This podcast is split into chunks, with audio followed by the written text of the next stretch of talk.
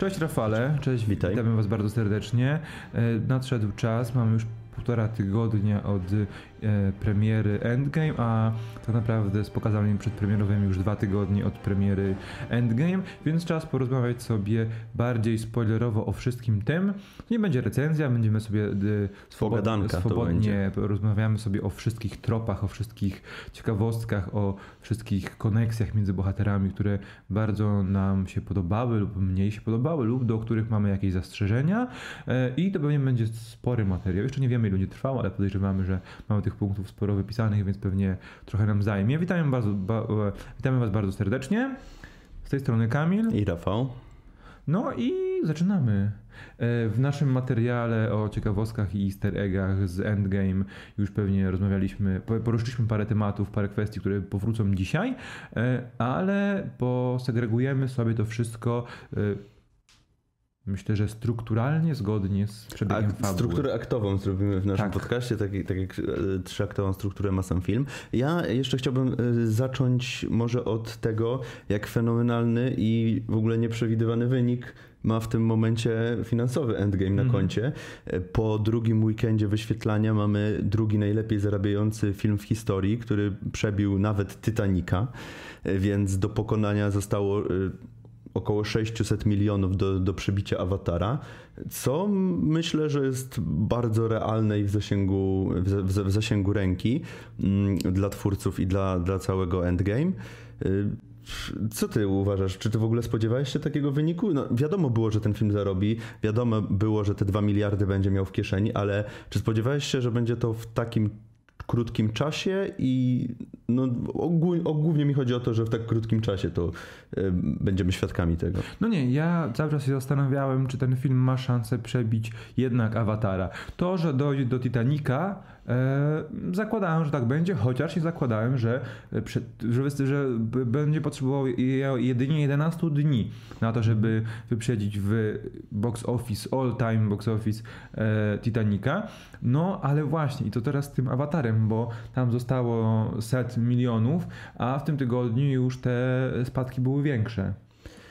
To myślę, że to wszystko pokaże kolejny weekend, bo tak naprawdę te spadki tygodniowe to nie są. e, One, one nie są aż tak bardzo ważne. Wa- Ważniejsze są te spadki z weekendu na weekend, e, więc tak naprawdę pozostaje nam czekać na, na ten trzeci weekend wyświetlania i wtedy tak naprawdę wydaje mi się, że się dowiemy wszystkiego i tu będzie sprawa rozstrzygnięta. No, my trzymamy kciuki, bo o ile Avatar był filmem zmieniającym w ogóle nasze spojrzenie na temat blockbusterów, o tyle Endgame jest po prostu filmem, na który składa się dziesięciolecie. Też jest czymś wyjątkowym. Tak, Tak, jak jest. wyjątkowy w 2009 roku był Avatar. Tak, Endgame nie jest samym filmem samym w sobie, jest po prostu przeżyciem Wydarzeniem. i wy- wydarzeniem zbierającym wiele lat całego uniwersum.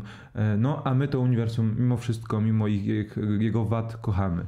Zacznijmy może od pierwszego aktu i od tego, co dzieje się tak naprawdę na samym początku tego filmu. No bo co? Zostajemy po Infinity War z efektami pstryknięcia, tak naprawdę ukazanymi nam bardzo wyrywkowo i y, tak naprawdę na, dobrą sprawę nie wiemy, co do końca się wydarzyło na całym świecie. Wiemy, co się stało z bohaterami, wiemy, co się stało z Nickiem Furym scenie, ze sceny po napisach, y, wiemy, co się stało z Hankiem Pymem i Hope też ze sceny po napisach, ale tak całościowo, jeżeli chodzi o świat i o to uniwersum, to nie zostało nam to do tej pory dobrze przedstawione. I wydaje mi się, że to, co w tym pierwszym akcie właśnie y, bardzo fajnie wybrzmiewa, to efekty pstryknięcia Thanosa i pokazanie nam też, jakie te jakie to pstryknięcie miało wpływ na zwykłych ludzi. Są nam pokazane y, zwykłe osoby, które, tak, na- jak one sobie z tym radzą. Jest ta cała scena, y, w, y, w której Cap mm, jest to całe spotkanie. Swoją, y, tak, grupę z- wsparcia. Z grupą wsparcia. Tak. I moim zdaniem to, to jest jedna z lepszych scen właśnie w, w tym pierwszym akcie, która właśnie nam pokazuje tych normalnych ludzi, którzy starają się sobie poradzić w ogóle z tym, co, co, co, miało, co zaszło.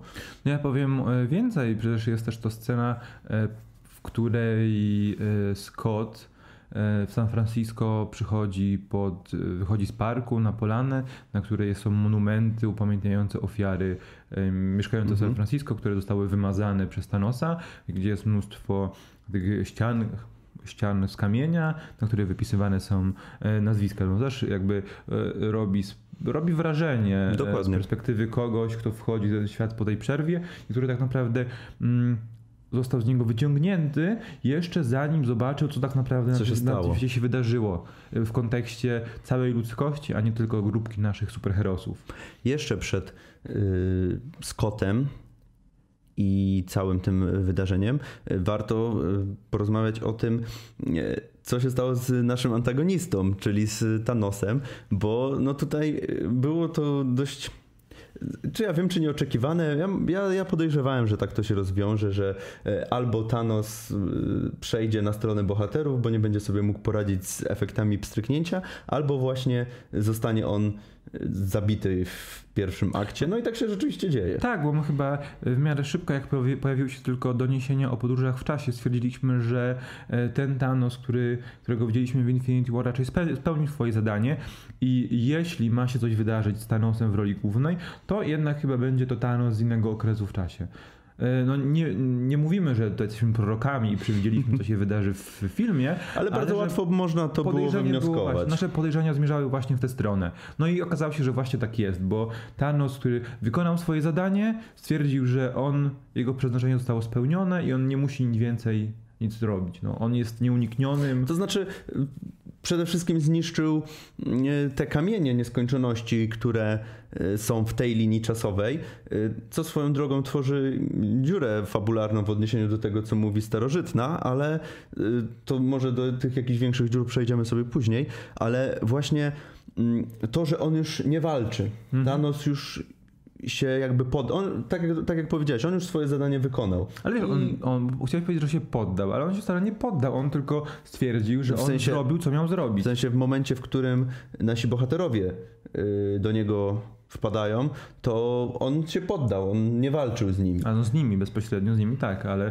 po prostu on... Nie, nie, on po prostu wykonał swoje zadanie i chciał sobie żyć na tej roli swojej, no tak. spokojnie tak. zbierać te owoce i robić zupę. Właśnie, ale jeszcze odnośnie tego świata, bo mm, jest nam w tym pierwszym akcie teasowany, chociażby podczas rozmowy Nataszy z hologramowymi odpowiednikami e, Okoje, Kapitan, Nebuli, Rodiego, Roketa, e, co, że co się dzieje, że teraz próbują, próbują ogarnąć to wszystko, co się wydarzyło po pstryknięciu, ale tak naprawdę nie wiemy, jak ten świat wygląda, nie wiemy mm, ile na, ile na przykład głów państw zostało wymazanych, jakie, jakie czy zapanują jakieś zamieszki w różnych miejscach na świecie, jak wygląda stan żywności, i wody pitnej, tego, czy może wybuchły jakieś epidemie, e, tego nie wiemy, no a to jakby wiadomo, że budowałoby jeszcze mocniej ten świat, tylko że no po prostu nie było na to No nie miejsca. było ta, na to czasu. Film jest i tak już tak rozrośnięty, że no ciężko jest wysiedzieć na tej sali kinowej e, nie, niewprawionemu widzowi.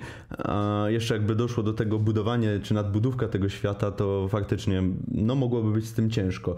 Mm, no jednak wydaje mi się, że te krótkie scenki właśnie ze Scottem czy z Capem y, chociaż nam na, napominają jak to, jak to wygląda. Może przejdźmy już po prostu do aktu drugiego, czyli y, chyba sobie pogadamy teraz bezpośrednio po prostu o postaciach, y, ich roli w filmie i o tym, jak tutaj fabuła się wokół nich kręci.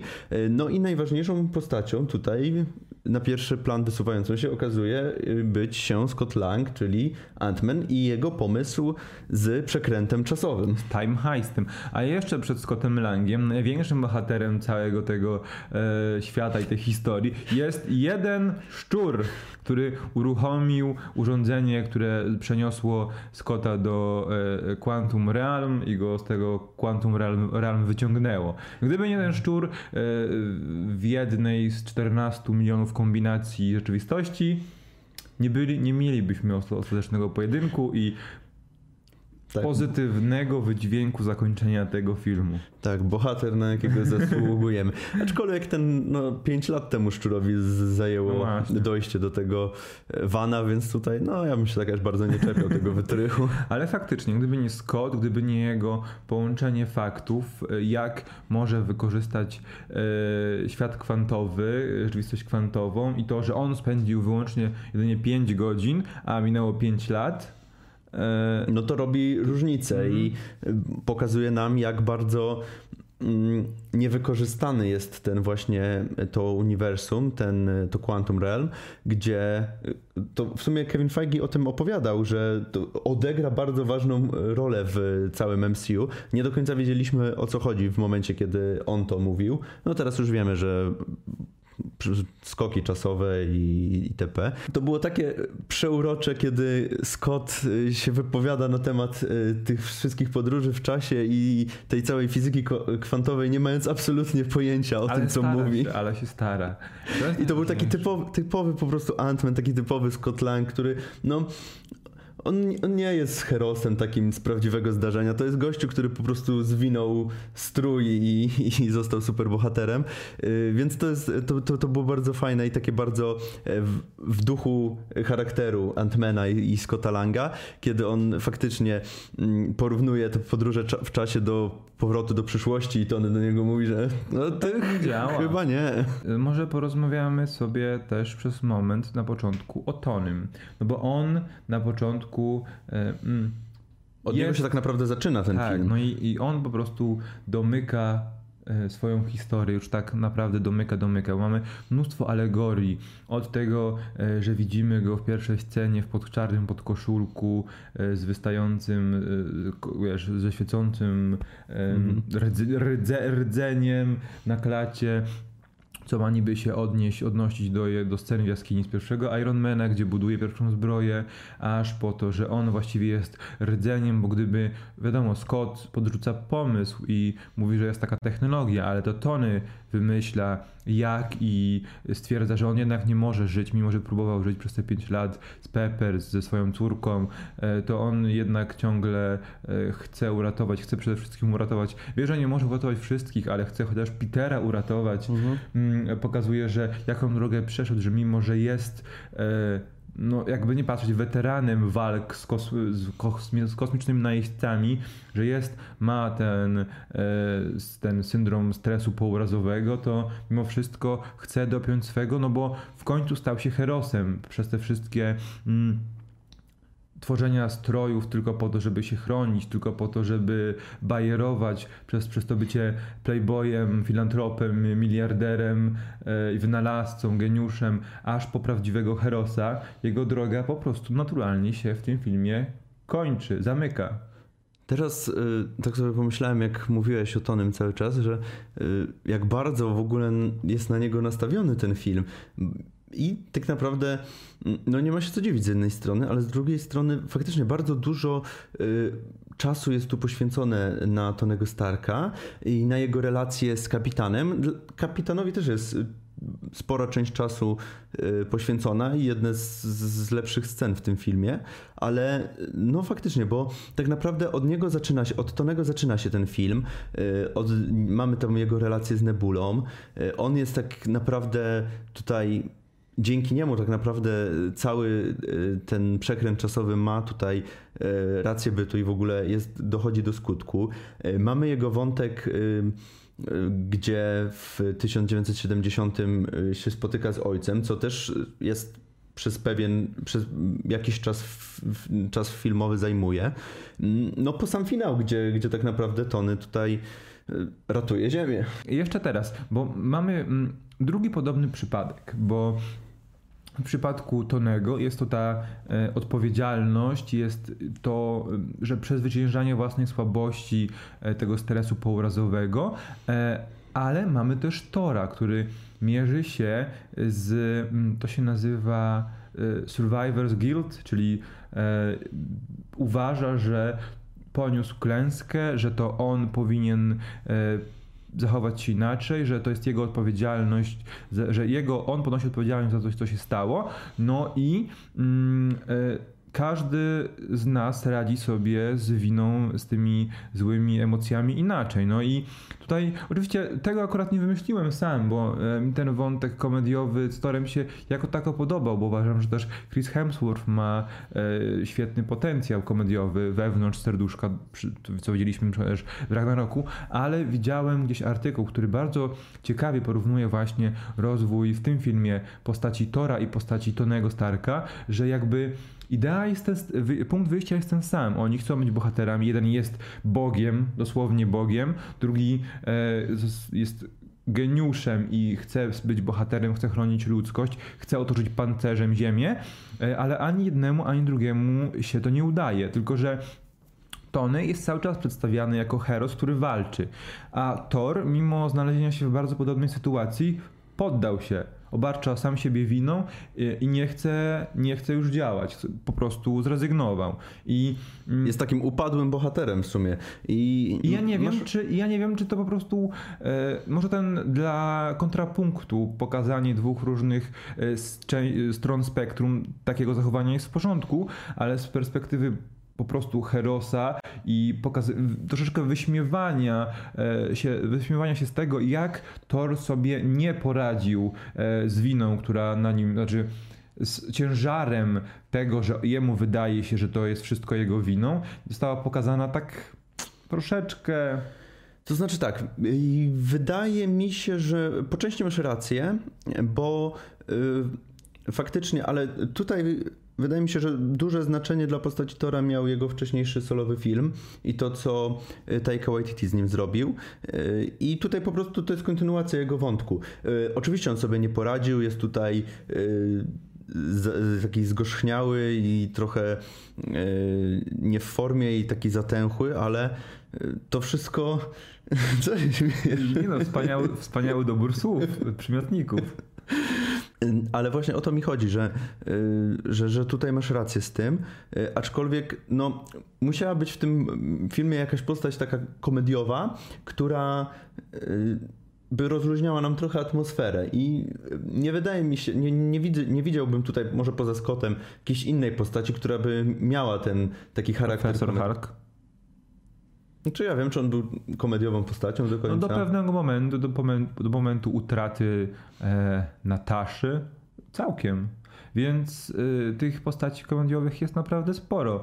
Ale wracając jeszcze do Tora, bo y, widzisz, y, fajnie, że pokazali to w takich dwóch jakby różnych punktach, Tonego i Tora, ale widzisz, z Torem i można jeszcze działać, można coś z nim zrobić, dlatego że on został w tym uniwersum. No z Tonem już nie mogli tutaj nie mogli zrobić y, jakiegoś wątku komediowego z nim, czy jakoś rozluźnić tą postać, no bo tak naprawdę ten cały film to jest pożegnanie z nim i no zrobili to na poważnie. Y, jeżeli chodzi o samego Tunego, to y, Tutaj bardzo ważna jest chyba jego relacja z kapitanem, bo jakby ten wątek ich konfliktu ciągnie się już od kilku ładnych lat, mianowicie od Civil War 2016 dokładnie.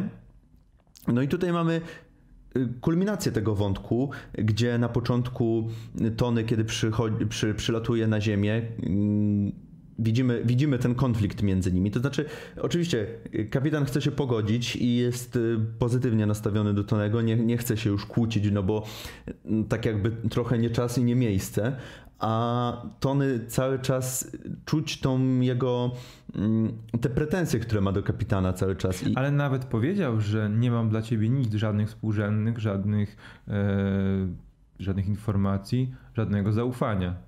Więc... Dokładnie. E, mimo, że kapitan chyba dwukrotnie w filmie mówi, że darzy tym zaufaniem Tonego. Mm, tutaj też widzimy oczywiście różnicę ich charakteru. No i ten wątek się ciągnie bardzo fajnie zostaje on zakończony moim zdaniem w momencie, znaczy zakończony, rozwinięty w tym filmie y, i to pojednanie w pewnym momencie przychodzi. Na początku tak może nie do końca y, ufnie, kiedy Tony przyjeżdża do siedziby Avengers, daje niby tą tarczę, mm, mamy to pogodzenie, ale w momencie, kiedy mamy tą podróż Tonego i kapitana, gdzie muszą faktycznie polegać na sobie i y, no to jest bardzo fajnie wygrane i bardzo fajnie moim zdaniem się łączą te charaktery i, i wybrzmiewa ta relacja. Mhm. A chcesz jeszcze powiedzieć coś o relacji właśnie Kapa i Tonego, ale w kontekście tej podróży do e, 1970 roku?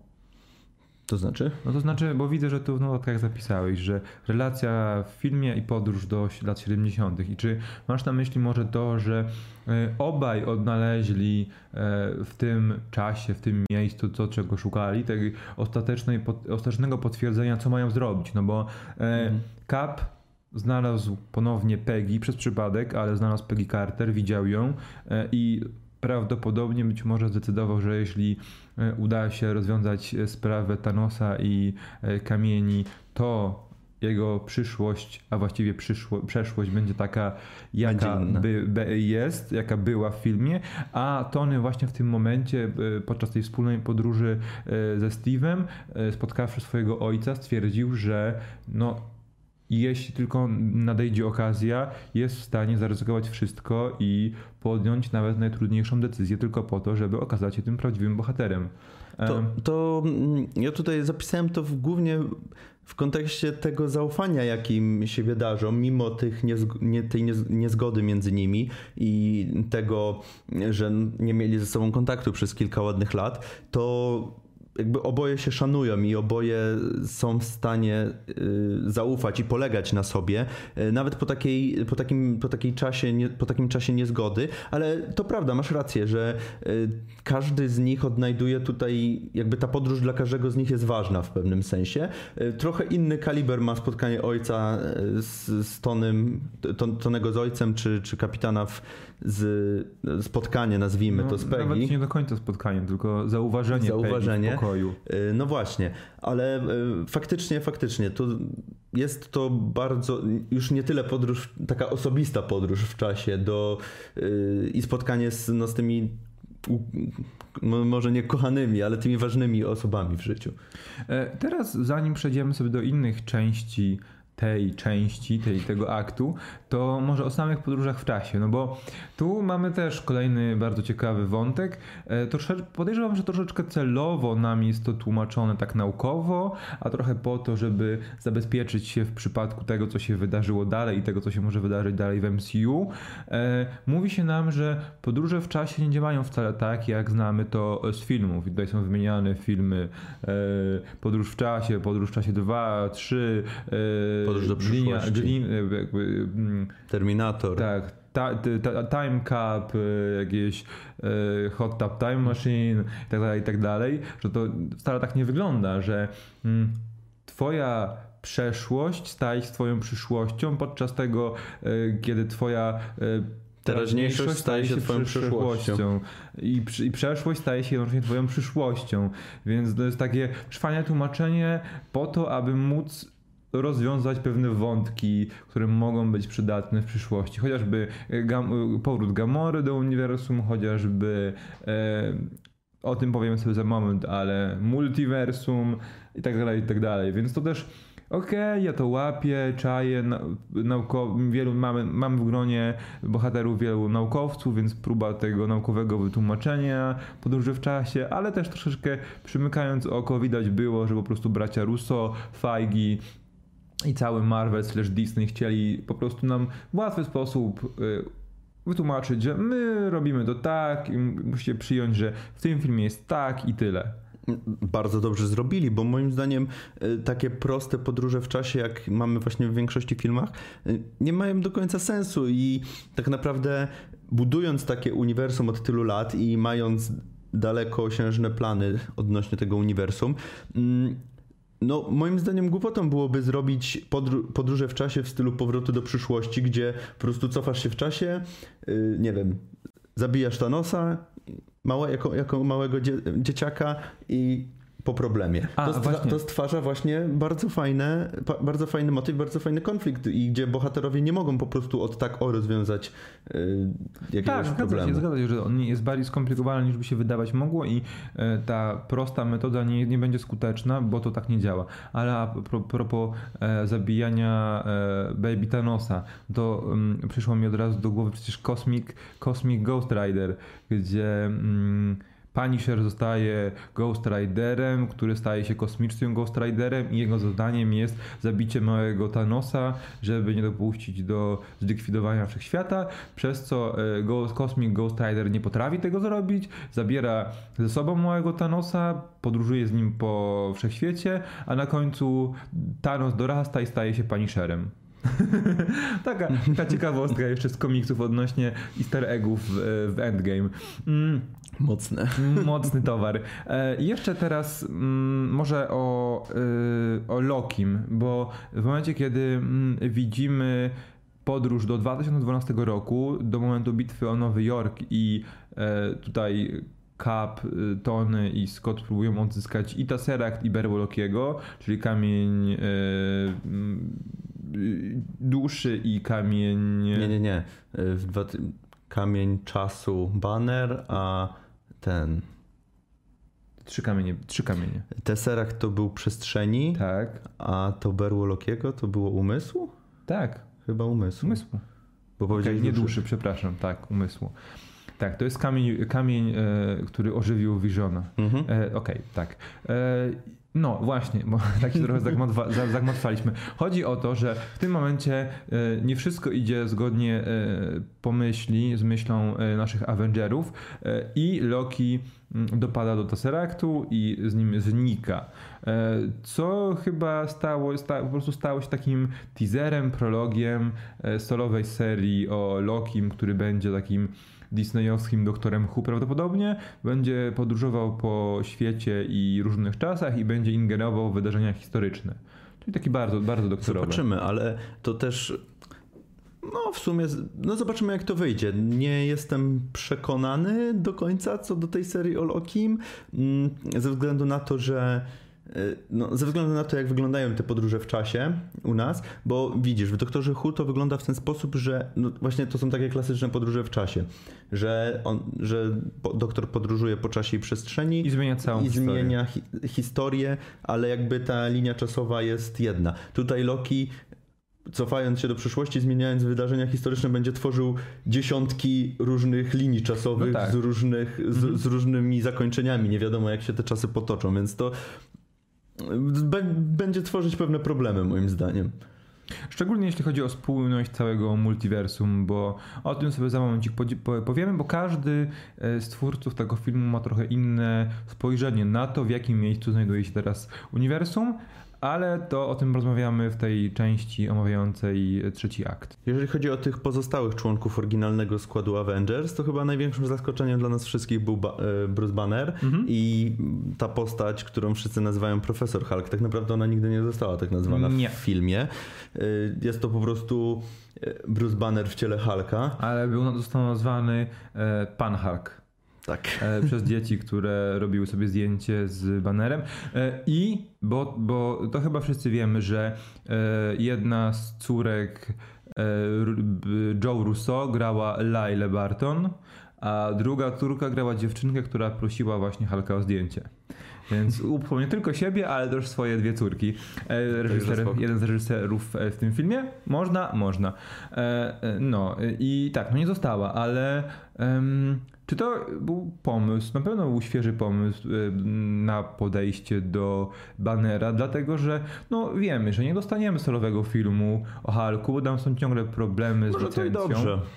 Może i dobrze, ale właśnie dzięki temu raz, że będzie pojawiał się być może e, w filmach grupowych albo innych film, y, filmach innych e, herosów, tak jak miało to miejsce e, w Torze i być może Marvel będzie po prostu odważnie eksperymentował z samym Hulkiem slash banerem. Bo jakby i solowe serie o Hulku, komiksowe i te filmy indywidualne pokazują, że nie jest to do końca postać, która mm, której jakby solowe historie jakby sprawiają y, tutaj przyciągają tłumy przed, do, do komiksów czy, czy, czy przed ekrany, bo mm, Hulk właśnie działa fajnie w odniesieniu do jakiejś postaci, gdzie y, jest albo tym jakimś, mm, tą siłą którą, e, która jest tutaj wsparciem dla bohaterów, czy właśnie tym mózgiem ban Bannera, który jest wsparciem takim merytorycznym. No tutaj mamy połączenie tego wszystkiego, Ale więc fajny, fajny eksperyment. Właśnie, tutaj jest połączenie i mamy super inteligentnego Halka, który jednocześnie trochę dziecinny, taki śmieszkowaty, głupkowaty momentami, ale jest też um, mniejszy niż Hulk. Mm, jest przed, ja chciałem powiedzieć, że jest przede wszystkim kompetentny. No jest. Mimo wszystko. E, no nie wiem, może trochę przypakował, czy tam e, trochę wyszczuplał. Wyszczuplał, tak, odchudził się dietka te sprawy. Albo to kombinezony tak wyszczuplają. okej. Okay. Ale chyba nie, nie mam tutaj nic więcej do dodania. No fajnie, że zaeksperymentowali, naprawdę fajnie to wyszło. Fajnym takim e, elementem komediowym, tak jak wspomniałeś, do pewnego czasu był ten Bruce Banner, chociaż czy tak do końca, to też nie, nie, nie jestem przekonany. No ale on też był jednym z bohaterów e, końcowych e, scen filmu, no bo to on podjął się zadania założenia tego... Dokładnie. No, tej rękawicy nieskończoności stworzonej 2 przez Starka 2.0. No i później też uratował Rocketa i Rodiego przed utonięciem. I to też podobno e, ta scena z podnoszeniem zapadającego się sufitu, to też jest scena e, z, kom z komiksu z Infinity Gauntlet, gdzie Hulk e, dźwiga strop i ratuje Avengersów przed też zmiażdżeniem, mm. więc jakby to jest Pewne też kolejne nawiązanie. nawiązanie do oryginalnej historii, na których ta dwuczęściowa przygoda, właściwie czteroczęściowa, ale dwuczęściowy finał tej przygody bazował. E, no i mm, co jeszcze? No jeszcze na pewno jesteśmy przy banerze, może musimy porozmawiać sobie o Nataszy Romanów, no bo to jest ciekawa rzecz, bo e, zupełnie na ta dziwna relacja rozpoczęła się w Age of Ultron Nataszy i romans Nataszy i Bruce'a. Ona była troszeczkę wyciszona. Mm, w, w pozostałych filmach tak naprawdę. War, mimo że jest, została napomknięta w torze Ragnarok w momencie, kiedy Hulk zmienia się z powrotem w Bannera, bo było tam na, nagranie e, Nataszy, która mu mówi już słonko wschodzi hmm. czy zachodzi. Luli, luli, laj. Tak, dokładnie I, i jakby to było nawiązanie do Age of Ultron. No i tutaj znowu jakby jest kilka scen, w których y, y, Romanow i Banner są ze sobą i wchodzą w interakcję, no ale ja tam żadnej iskry mm, romantycznej mm, nie widziałem, a później w momencie, kiedy Natasza zostaje poświęcona, poświęca się, aby uzyskać Soulstone, to Hulk nagle jest smutny, wyrywa ławki i na końcu mówi, e, komu mówi? Komu powiedział, że próbował, że Mytonemu mm, chyba, że... Nie, nie, y, kapitanowi. Kapitanowi, że próbował nawet, że próbował używić wszystkich razem z Nataszą. Bardzo ale nie, starał, nie ale wydaje nie mi, wyszło. Ale nie wydaje mi się, że właśnie to, co on mówił, czy te zachowania, o których mówisz, nie, nie wydaje mi się, że to było właśnie w nawiązaniu do tej romantycznej relacji. To były takie bardzo ludzkie odruchy i takie y, po stracie przyjaciela. Tak, ale. No ale zobacz, nawet Thor przecież w momencie, kiedy pijany Thor opowiada o e, tym. Mm, o swoim, o tym, o, czerwon, o nie kamieniu, tylko o czerwonej mazi. To mówi, on mówi o Jane e, jako o swojej byłej dziewczynie i też e, pyta się, co ciebie e, Bruce trzymało, Hulk trzymało przy życiu, pewnie, przy życiu, pewnie pewnie, pewnie Natasza, no nie? No, to tak by też było kolejne nawiązanie do tych, tej, tej, no, wiesz, rywalizacji, kto ma lepszą dziewczynę jako, jako tutaj nawiązanie i jako e, budowanie, jako, jako, budowanie tego uniwersum, no to nie mogli zupełnie e, no zamieść, zamieść tego pod dywan. Więc wydaje mi się, że takie subtelne, czy tam delikatne nawiązania do tego romansu, no to jest takie akceptowalne. Mnie to osobiście nie bolało, a ten romans w Age of Ultron mnie bardzo raził takie, mi się wydaje, że to jest takie akceptowalne właśnie i takie mm, nie rzucanie nam tego w twarz, tego wątku romansowego. No wiadomo, Bruce cierpiał, ale wydaje mi się, że wszyscy pozostali Avengers też y, cierpieli po stracie. Y, na przykład Clint też, no, e, tak, też był... to oczywiście teraz chciałem tego przejść, żebyśmy zostawili relację Romanów Hulk, Romanów Banner i skupili się na relacji e, Barton Romanów, no bo to jednak jest o wiele mm, bardziej znacząca w kontekście tego filmu tego relacja. Filmu I też y, i historii dwójki bohaterów, która ciągnie się przez, od lat podobno w tym uniwersum, e, a jedno musiało zdecydować o poświęceniu drugiego. No tak naprawdę ta relacja jest nam pokazywana od Avengers Mhm. pierwszych, gdzie Natasza i Clint y, mm, musieli najpierw stanąć naprzeciwko siebie, potem połączyli siły, no i tak zostali, zosta, zost, była ta relacja nam pokazywana coraz bardziej i bardziej. Mm, Ja nie do końca jestem przekonany, czy wysyłanie dwójki ludzi na misję na obcą planetę y, w alternatywnej linii czasowej to jest dobry pomysł. Mm, No ale skoro twórcy się zdecydowali na taki ruch, to No ale wiesz, scenariusz. no dlatego mówię, że skoro twórcy się zdecydowali na taki ruch, to okej, no nie, nie, nie, mam, nie mam z tym problemu. Mm, Natomiast czy, ta, czy to było w ogóle w jakikolwiek sposób potrzebne i czy mnie zaangażowało emocjonalnie? Nie za bardzo. Wiesz co, nie, nie mam chyba, nie mam, nie miałem jakoś za bardzo odniesienia i za bardzo jakichś relacji takich y, ja nie miałem do tych, do tych postaci. Plus ta scena nie została jakoś za bardzo dobrze y, tutaj rozegrana, bo y, mamy. Kiedy w Infinity War Thanos przychodzi i dowiaduje się, co musi zrobić, żeby uzyskać kamień duszy, to mamy podniosłą muzykę, widzimy, mamy. y, mamy Thanos, żu- wielki tytań płacze. tak, mamy rzuty na twarz tego Thanosa, gdzie widać po prostu ten ból na jego twarzy z tego, co musi robić. A tutaj mamy, wiesz, cięcie i za chwilę, wiesz, siedzą sobie na pieńku i rozmawiają, że no, no tam, ten... No ale tu już nie było żadnej, żadnego napięcia, żadnego, e, żadnego wow, bo my wiedzieliśmy, Co dlaczego, dlaczego te dwie postacie poleciały właśnie tam, bo zaraz dowiemy się, Wiadomo, co co trzeba chodzi. będzie zrobić. Więc to jakby e, fabuła, scenariusz nakazywał. Zero zaskoczeń tak Tak, naprawdę. nakazywał to, że żebyśmy nie byli zaskoczeni, no bo tak zostali sparowani, bo tylko to miało sens na uzyskanie e, kamienia duszy. No, żadne, żadne inne parowanie no chyba nie miałoby aż takiego wydźwięku, więc nie byłoby... No, na- No, Nie miałoby jakby po, pod podstaw do uzyskania, poświęcenie jednej z, dwóch, z innej dwu, innych dwójki miałoby podstaw do uzyskania od kamienia e, duszy, no bo nie było takich relacji. No tak, no i oczywiście Clint y, dostaje kamień duszy. Gdzieś tam czytałem jeszcze jakieś zarzuty, że y, jak on był w stanie utrzymać ten kamień duszy, ale z drugiej strony nie było nam powiedziane w sumie w, chyba w filmie, że, nie- że nie można go utrzymać. Nie, ale to tylko e, ro, zrozumiem, że tylko e, kamień e, Mocy, ma mocy i no i kamień przestrzeni. Mhm. A reszta kamieni jest dostępna normalnie. Normalnie, do, no właśnie, do- do dlatego to też takie trochę y, już czepia, czepialstwo na No. siłę.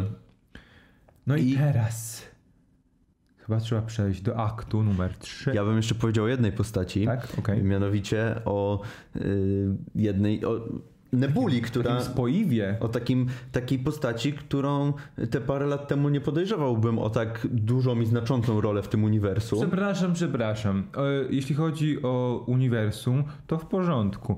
Ale po tym, jak gdy dowiedzieliśmy się, na jakiej historii komiksowej będzie bazować ta ostatnia odsłona, dwuczęściowa odsłona Avengers, no to nie spodziewaliśmy się, że, że odegra znaczącą rolę. Nie, ja się w ogóle nie spodziewałem. Mm. Wiadomo, komiksowa Nebula jest osobą, która y, zabiera rękawice i odwraca efekty wstrzyknięcia, ale jakby na tym rola, jej rola w komiksie się kończy. A Nebula ta filmowa w żadnym momencie nie była nam nabudowywana na taką postać, bo ona była gdzieś tam w pierwszym filmie chyba trzecią jeszcze planową, w drugim filmie Strażników już, już miała zna bardziej znaczącą rolę, ale to wciąż była postać na uboczu, na której twórcy się w ogóle nie skupiali i która nie była nam rozwijana w żadnym y, momencie. Ja na przykład się zdziwiłem, że ona nie, nie zginęła gdzieś tam na, na Tytanie w, podczas tej jed, jednej z dwóch finałowych walk y, w Infinity War. Mm, I też się zastanawiałem, co twórcy z nią zrobią w tym filmie, bo tak no, nie, nie do końca miałem na nią pomysł. Y, A tutaj faktycznie ona nam tutaj urasta do rangi tak jak powiedziałeś, takiego spoiwa tego y, wszystkiego i postaci, która tak naprawdę gdzieś tam od połowy filmu jest motorem napędowym całej fabuły. Bo raz, że ona posiada wiele informacji, których nie ma żaden inny członek e, Avengers, bo jakby wie, gdzie jest jeden z kamieni, że jest na Moragu, wie, e, że Zna się Thanos... to na tej, na tej części jakby ko- kosmicznej tak, uniwersum. To, to dwa. E, Trzy, że jakby no, wie, co działo się w tym okresie z Thanosem, więc jakby może też przewidzieć, co się za moment ich wydarzy. No ale też jakby jest jednym z pretekstów fabularnych do tego, aby Thanos dowiedział się, że Avengers podróżują w czasie i chcą go uprzedzić. No bo też właśnie dzięki temu połączeniu tej y, cybernetycznej części umysłu Nebuli, Thanos dowiaduje się, że jest druga w tym roku, jest w tym czasie, samym czasie jest druga Nebula, która chce y, pokrzyżować mu plany, pokrzyżować mu szyki, no i że musi reagować. No i tak naprawdę od tego wszystkiego się to finał. zaczyna. Tak, zaczyna się finał i y, Thanos przedostaje się do y, współczesności, w sensie do tej głównej linii czasowej.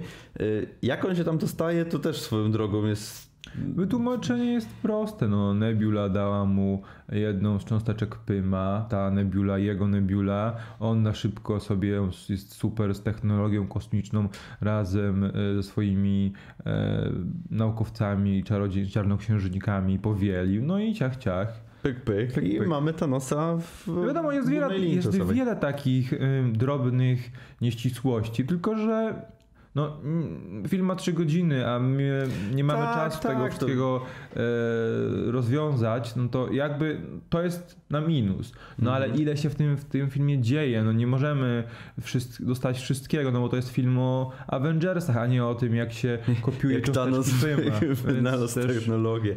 Okej, no nie, no rozumiem, oczywiście, ja nie, nie mówię tego jako zaszód. Mm, No ale dobra, przechodząc, żeby nasz film, na, nasz materiał nie trwał No 3 właśnie. godzin, to przechodząc do y, jakby tej części finałowej, mamy, ta, y, mamy rozwaloną e, siedzibę Avengers, tak jak wspominaliśmy, Hulk e, zajmuje się ratowaniem Rodiego i Rocketa, e, pomaga tam gdzieś w międzyczasie Ant-Man, no i mamy tą bitwę, przed tą, tym finałowym starciem mamy to, tę- tą potyczkę, na którą chyba ja czekałem najbardziej. Chciałem powiedzieć, że chyba wszyscy czekali, ale nie wiem, czy wszyscy czekali. Ja czekałem na pewno. E, Mamy tą e, trójkę podstawowych Avengers, tych takich e, najważniejszych w sumie, od których tak naprawdę się wszystko zaczęło, czyli Tora, Kappa i Tonego Starka. No i oni wychodzą naprzeciw szalonego Tytana, naprzeciw Thanosa. No i mamy tą potyczkę, która jest... No, no, dostarcza, dostarcza. Jest, szczególnie, że ona jest też choreograficznie znakomita. Bardzo dobra. Mamy przecież zbroję e, Ironmana, który, który potrafi już wszystko. Nawet mu ugotuje śniadanie. E, mamy e, Tora, który ma i Mjolnira, i Stormbreakera. Mamy też Kapa z tarczą. No i jak za moment się okaże z Mjolnirem, więc e, tam dzieje się naprawdę sporo. I to wygląda świetnie. No i w tym momencie Thor po raz pierwszy w tym filmie em, ubiera swój kostium bojowy i wygląda jak Podstawowy. bo tak, wygląda jak prawdziwy już nordycki bóg. E, z długimi Z włosami, brzuszkiem, z brzuszkiem, z brodą. z, z kucykiem, e, z, Na brodzie. z w brodzie, więc to wygląda mua. No i I tak naprawdę w tym momencie po raz pierwszy widzimy w tym filmie Tora Tora, a nie Tora Tak. Mazgaje i tą, tą kreskówkę, o, z której, o której opowiadaliśmy na, gdzieś tam na początku naszej dyskusji. Mm, Tego Tora, który faktycznie udowadnia, że jest jednym z najpotężniejszych herosów Marvela, a mimo to i tak potrzebuje wsparcia Kapa, żeby tutaj nie zostać przeciętym przez y, Stor, Storm, swojego Stormbreakera. No i a propos y, Kapa i Mjolnira. No, było to zaskoczenie. E, Mimo, że był ten wyciek e, chyba z tydzień przed premierą, gdzie, gdzie właśnie mówili o tym, że, że ma, ma się coś takiego pojawić. E, Ja tego nie czytałem przed premierą, więc, więc nie wiedziałem o tym. I w momencie, kiedy siedziałem na sali, to faktycznie było to wow, takie, y, kiedy ten Mjolnir przeleci, nie wiesz dokładnie o co chodzi i wtedy widzisz Steve'a, który po prostu stoi z tym Stormbreakerem i dla człowieka, który śledzi to uniwersum od tylu lat i jest y, jakoś tam związany mniej lub bardziej emocjonalnie z tymi postaciami, to był taki moment fuck yeah i po prostu coś, Ale- na, coś, dlaczego te filmy się ogląda. Tak, to było bardzo, bardzo satysfakcjonujące widzieć właśnie, że to się rozgrywa w ten sposób. Ale mnie jeszcze zainteresowało, w jaki sposób Thanos tak, tak łatwo e, po prostu wbił, przebił pancerz e, Tora Stormbreakerem. No I na jakich zasadach działa Stormbreaker? Też trzeba być godnym? Czy nie trzeba być godnym? Czy Thanos jest godny? No właśnie, nie jest to do końca wyjaśnione. Jak działa? No właśnie. Bo tak naprawdę on nie powinien, nie powinien być w stanie nic zrobić. Tak. Najprostszym, to ty o tym kiedyś mi powiedziałeś, że najprostszym rozwiązaniem na powstrzymanie Thanosa byłoby położyć na nim Mjolnira. No, No bo skoro tak. tylko godna osoba może e, podnieść Mjolnira, no to Thanos nie powinien go móc, Móc ruszyć, więc leżałby sztywno i tyle. No ale właśnie, czy tak jest, skoro teraz okazuje się, że z taką łatwością e, Był w stanie się użył, posługiwać w użył ogóle. Stormbreakera, więc No to jest pytanie, na które już chyba nie, nie uzyskam nie uzyska. No ja bym chciał jeszcze na szybciutko powiedzieć o naszym duecie, czyli Iron Manie i Rescue, bo widzieliśmy e, na początku maskę, granatową złotą maskę e, Rescue, którą Morgan gdzieś wyciągnęła z garażu i się Piwnicy. nią bawi, e, a później w finale widzimy już Pepper Potts w, całym, e, w całej zbroi Rescue, która ramię w ramię, właściwie plecy w plecy e, walczy z swoim mężem, z Iron Manem i pokonują kolejne potwory. No i ten projekt mi się niesamowicie podobał, bo Rescue też miała te mm, oddzielne... Mm, Oddzielne Panele skrzydła, całe. panele e, tak, e, tego rd- rdzenia łukowego, Mhm. energetycznego, które też wyglądało fantastycznie. Wiadomo, że to tylko CGI, ale wyglądało to znakomicie. Bardzo fajnie. Mm, No i jestem ciekawy, no właśnie to jest to, no bo e, Paltrow oficjalnie powiedziała, że już nie powróci w żadnym filmie e, MCU.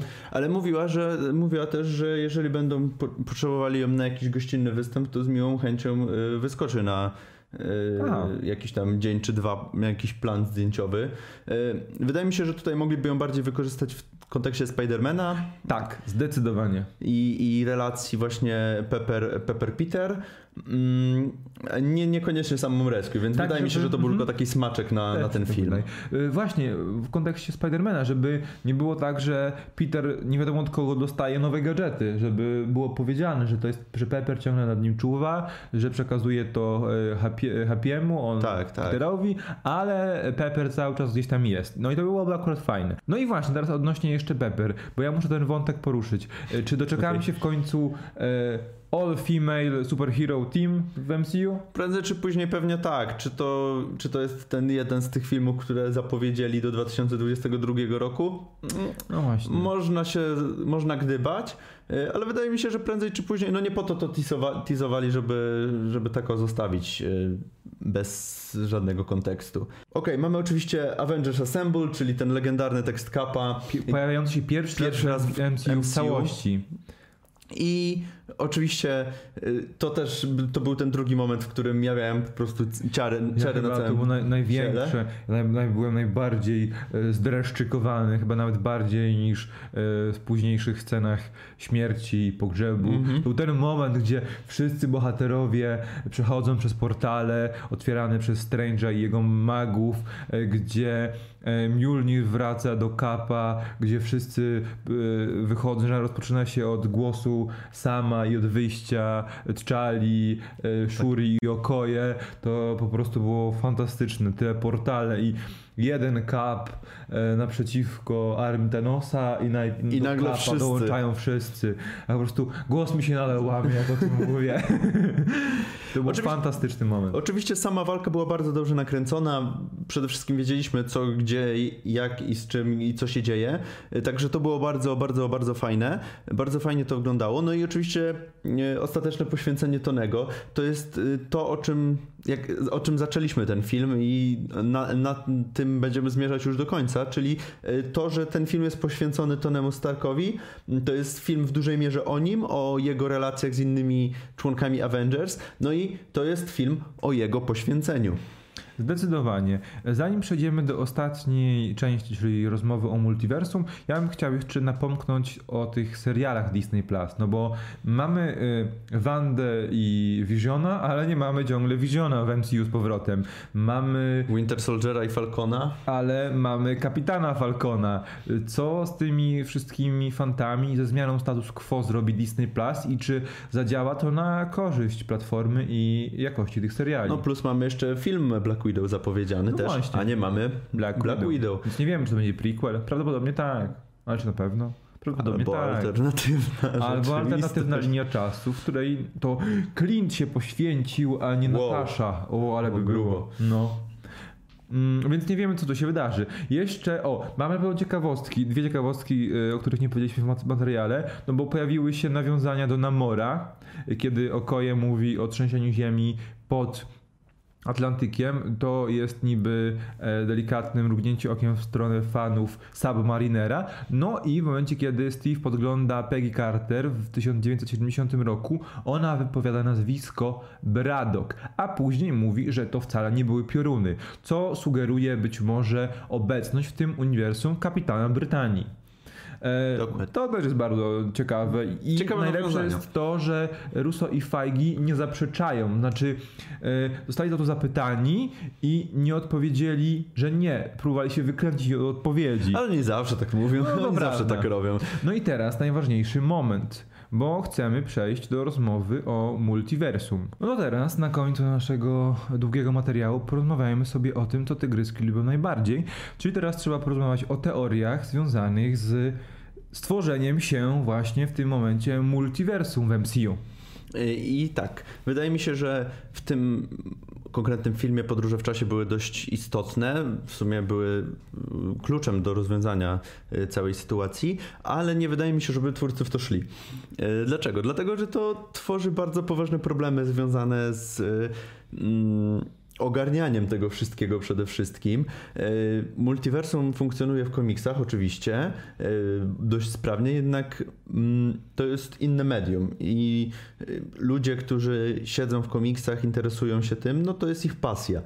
Nie wydaje mi się, żeby w momencie, kiedy mamy dzielone filmowe uniwersum, nawet tak dobrze prosperujące jak te Marvelowe, żeby normalny, zwykły, niedzielny widz, żeby mu się chciało myśleć i d- dopatrywać, że ten Tony Stark to jest z tej linii czasowej, a w tej linii czasowej nie ma Thanosa, a w tej jest Loki, a w tej Loki gwizdnął Tesseract, a w tej ktoś jest, kogo nie ma, a w tej, a w tej jest coś innego i moim zdaniem to jest za trudne jeszcze na tym etapie. Wydaje mi się, że w ogóle jest to zbyt trudne do ogarnięcia. Ale ja przedstawię Ci taką sytuację, bo to, co mówisz, ma rację bytu, ale zobacz, gdyby MCU, te trzy pierwsze fazy, to były e, po prostu jedno, jedno uniwersum ciągnące się. Teraz w momencie, kiedy na przykład Loki e, ukradł Tesseract, uniwersum e, serialowe utworzyłoby osobną linię czasu, w której na przykład Falcon nie zostałby kapitanem, a kapitan przez to, że przeniósł się w czasie, o czym mówili bracia Rousseau, według teorii braci Rousseau, kapitan przez to, że przeniósł się w czasie, utworzył nową rzeczywistość. To znaczy, on się w czasie i e, istniejąc u boku starego, dru, drugiego, wyciągniętego po 70 latach kapitana Ameryki, e, stworzył rzeczywistość osobną, ale żeby e, przybyć do tej swojej poprzedniej rzeczywistości i oddać tarczę Falconowi, musiał ze swojej rzeczywistości, którą sam stworzył, przenieść się z powrotem do tej pierw, pierwotnej. No to do, do tej oryginalnej. I, I to sam powtarzałeś, że, że wynika, że z tego, że Cap nie pojawił się e, w miejscu, w którym powinien się pojawić po powrocie z Quantum Realm podróży e, Po oddawaniu kamieni, no to tylko, tylko na ławeczce, świadczy o tym, że no, że stworzył osobne uniwersum. No i tak też twierdzą bracia Rousseau. Oczywiście e, Znaczy, dla mnie to scenarzyści, w ogóle scenarzyści uważają, że nie, że to nieprawda, że Cap e, był w tym samym uniwersum, w tym samym rzeczywistości. No ale e, to jaki jest, prawdopodobnie pokaże nam Spider-Man Far From Home, ponieważ w nowym zwiastunie e, Mysterio mówi, że przybył z innej, że z innej rzeczywistości, że e, z takiej samej ziemi, ale z innej. ja bym w to w ogóle nie No szedł. właśnie, bo to Mysterio. Bo to Mysterio.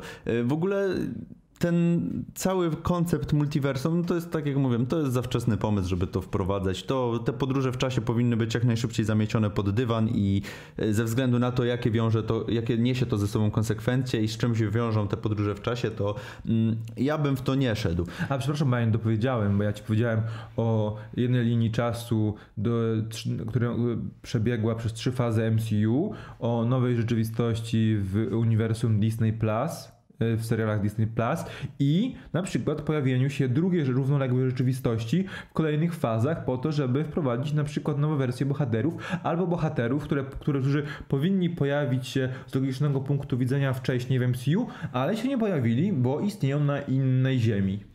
I na przykład mieć e, MCU jeden, e, fazy 1, 3 i jedna linia czasu, Disney Plus, ich serię druga rzeczywistość, no i kolejna jakby trzecia, e, która będzie głównie odgrywała rolę i będzie przebiegała, jakby prze, przenikała się z, z tą starą no rzeczywistością i, i finalnie byłby jakiś wielki team-upowy finał na przykład z jakimś międzygalaktycznym złym. No właśnie, ale to jest właśnie to, o czym mówię, to cały czas rodzi ten problem problem, że to widownia nie jest na to, to już Endgame pokazało, że y, to jest po prostu, do Endgame nie siądziesz bez znajomości 10 lat filmów. Tylko, że 10 wiesz, no, lat filmów. To te... Jeśli nie teraz, to już nigdy. Bo jeśli Marvel nie nakreśli sobie planu na kolejne lata, bo postanowi zrobić coś zupełnie innego, to już to multiversum nigdy nie powstanie, ale... bo znudzimy się za 10 lat superherosami. Ale patrz, jak y, i jaką garść postaci jeszcze ma, ile jeszcze postaci, które są niewykorzystane w ogóle w tym uniwersum. I po co, po co tworzyć y, alternatywną wersję Tonego Starka albo alternatywną wersję Kapitana Ameryki, kiedy masz po prostu garść jeszcze po prostu tyle zasobów postaci, które leżą niewykorzystane, zwłaszcza, że mamy przejęte y, asety Foxa i y, wszystkie te rzeczy związane z Fantastyczną Ale Czwórką i X-Menami żeby e, w ten sposób nam wytłumaczono tak długą nieobecność i X-Menów, i Fantastycznej Czwórki, i Duma, i Silver Surfera i tak dalej, i tak dalej, tym, że oni przybędą z innej rzeczywistości. Że po prostu nie ma ich w tej. To to samo, co, co robi. Wiem, że to nie jest dobry przykład, ale CW. Czyli po prostu na Ziemi 1 nie ma Supergirl. Ziemia, y, Supergirl jest na Ziemi 38, z której przybywa czasami na Ziemię 1, prawda? I mm -hmm. się w crossoverach uzupełnia. Właśnie o to rozwiązanie mi chodzi tutaj. Że na jednej ziemi jest część bohaterów, a na drugiej jest inna część bohaterów, mhm. którzy w pewnym momencie spotkają się i wejdą w interakcję. Ciężko mi, ciężko mi powiedzieć, ciężko mi teraz się zastanowić nad, nad tym. Nie wiem, czy bym chciał to widzieć w ten sposób. Yy, nie wiem, czy jest sens w ogóle robienia. Znaczy, X-Menów możesz łatwo wytłumaczyć, że mutanci się na przykład dopiero teraz pojawiają, więc to, to nie byłby problem. A nie wiem, a fantastyczną czwórkę możesz wytłumaczyć, że siedzieli w tej. w czym? W jakimś. W tym, jak to się nazywa? Quantum fan, Zone, te, fan, fan, fan, Phantom Zone, Zone no, no. Cancer, siedzieli tam cancer wersja albo cokolwiek. Tak, to też nie jest, nie jest problem z yy, Więc nie, nie wiem, czy... Yy, no a to, a to, co mówiłem, żeby robić, wiesz... Yy, tam dwie czy trzy inne wersje znanych nam już bohaterów, to nie wiem, nie, czy to, to jest... Nie, to nie ma Chyba, sensu. że w momencie, kiedy na przykład będą chcieli przywrócić Tonego Starka, no ale tak głupio trochę przywracać Tonego Starka po tym no, e, takim zakończeniu. Na przykład e, zakończeniu. chcieliby wprowadzić Tonego Starka z innej ziemi, który wygląda inaczej. Może, może byłoby to do zrobienia, aczkolwiek mm, sam sobie przeczysz, drogi pan. Trochę, sam trochę, sobie przeczysz. Trochę teraz tak, ale to dlatego, że to ty mnie tak zbajerowałeś. Mam, ale, mam ten moc przekonywania. Ale ogólnie wydaje mi się, że, że to jeszcze nie, nie, nie czas i po prostu, no jeszcze że po prostu jeszcze publika nie jest na to gotowa. Być może. E, my chyba będziemy kończyć. Wydaje mi się, że jeszcze pewnie w materiale powrócimy do naszych przewidywań odnośnie e, kolejnych filmów, kolejnych drużyn i kolejnych złych uniwersum, bo mamy kilka typów. E, a na razie dziękujemy Wam za tę godzinkę spędzoną razem z nami. Zobaczymy, czy nie podzielimy materiału na kilka części. Zobaczymy. Dziękujemy Wam. Omawialiśmy sobie spoilerowo razem Infi- znowu Infinity War. Nie wiem dlaczego. Trochę Infinity War Trochę też. Infinity War, trochę e, w większości Endgame. E, no i po prostu dajcie znać, e, czy macie podobne zdanie w kontekście poświęcenia Tonego, w kontekście tego, czy Cap jest godny, w kontekście tego, co zrobiono z Torem, w kontekście e, tej relacji Hulk, Natasza. Ogólnie dajcie znać, y, czy podobał wam się ten film, bo słyszałem też kilka głosów y, negatywnych, gdzie, ludziom, gdzie ludziom się naprawdę, o tak, od fanów, O. gdzie ludziom się naprawdę nie podobał ten film, gdzie mówili, że jest za dużo, za bardzo, Okej. za mocno. Mm, Także dajcie znać, y, co myślicie o Endgame, y, jak wam się podobał Sprawdźcie nasze wideo o ciekawostkach i easter eggach, które znajdują się w Endgame. Jest już na kanale. A także wpadajcie na nasze socjale, Facebook, Twitter, Instagram, strona internetowa. No i pamiętajcie o tym czerwonym przycisku subskrybuj. Trzymajcie się, do zobaczenia w kolejnym materiale. Cześć.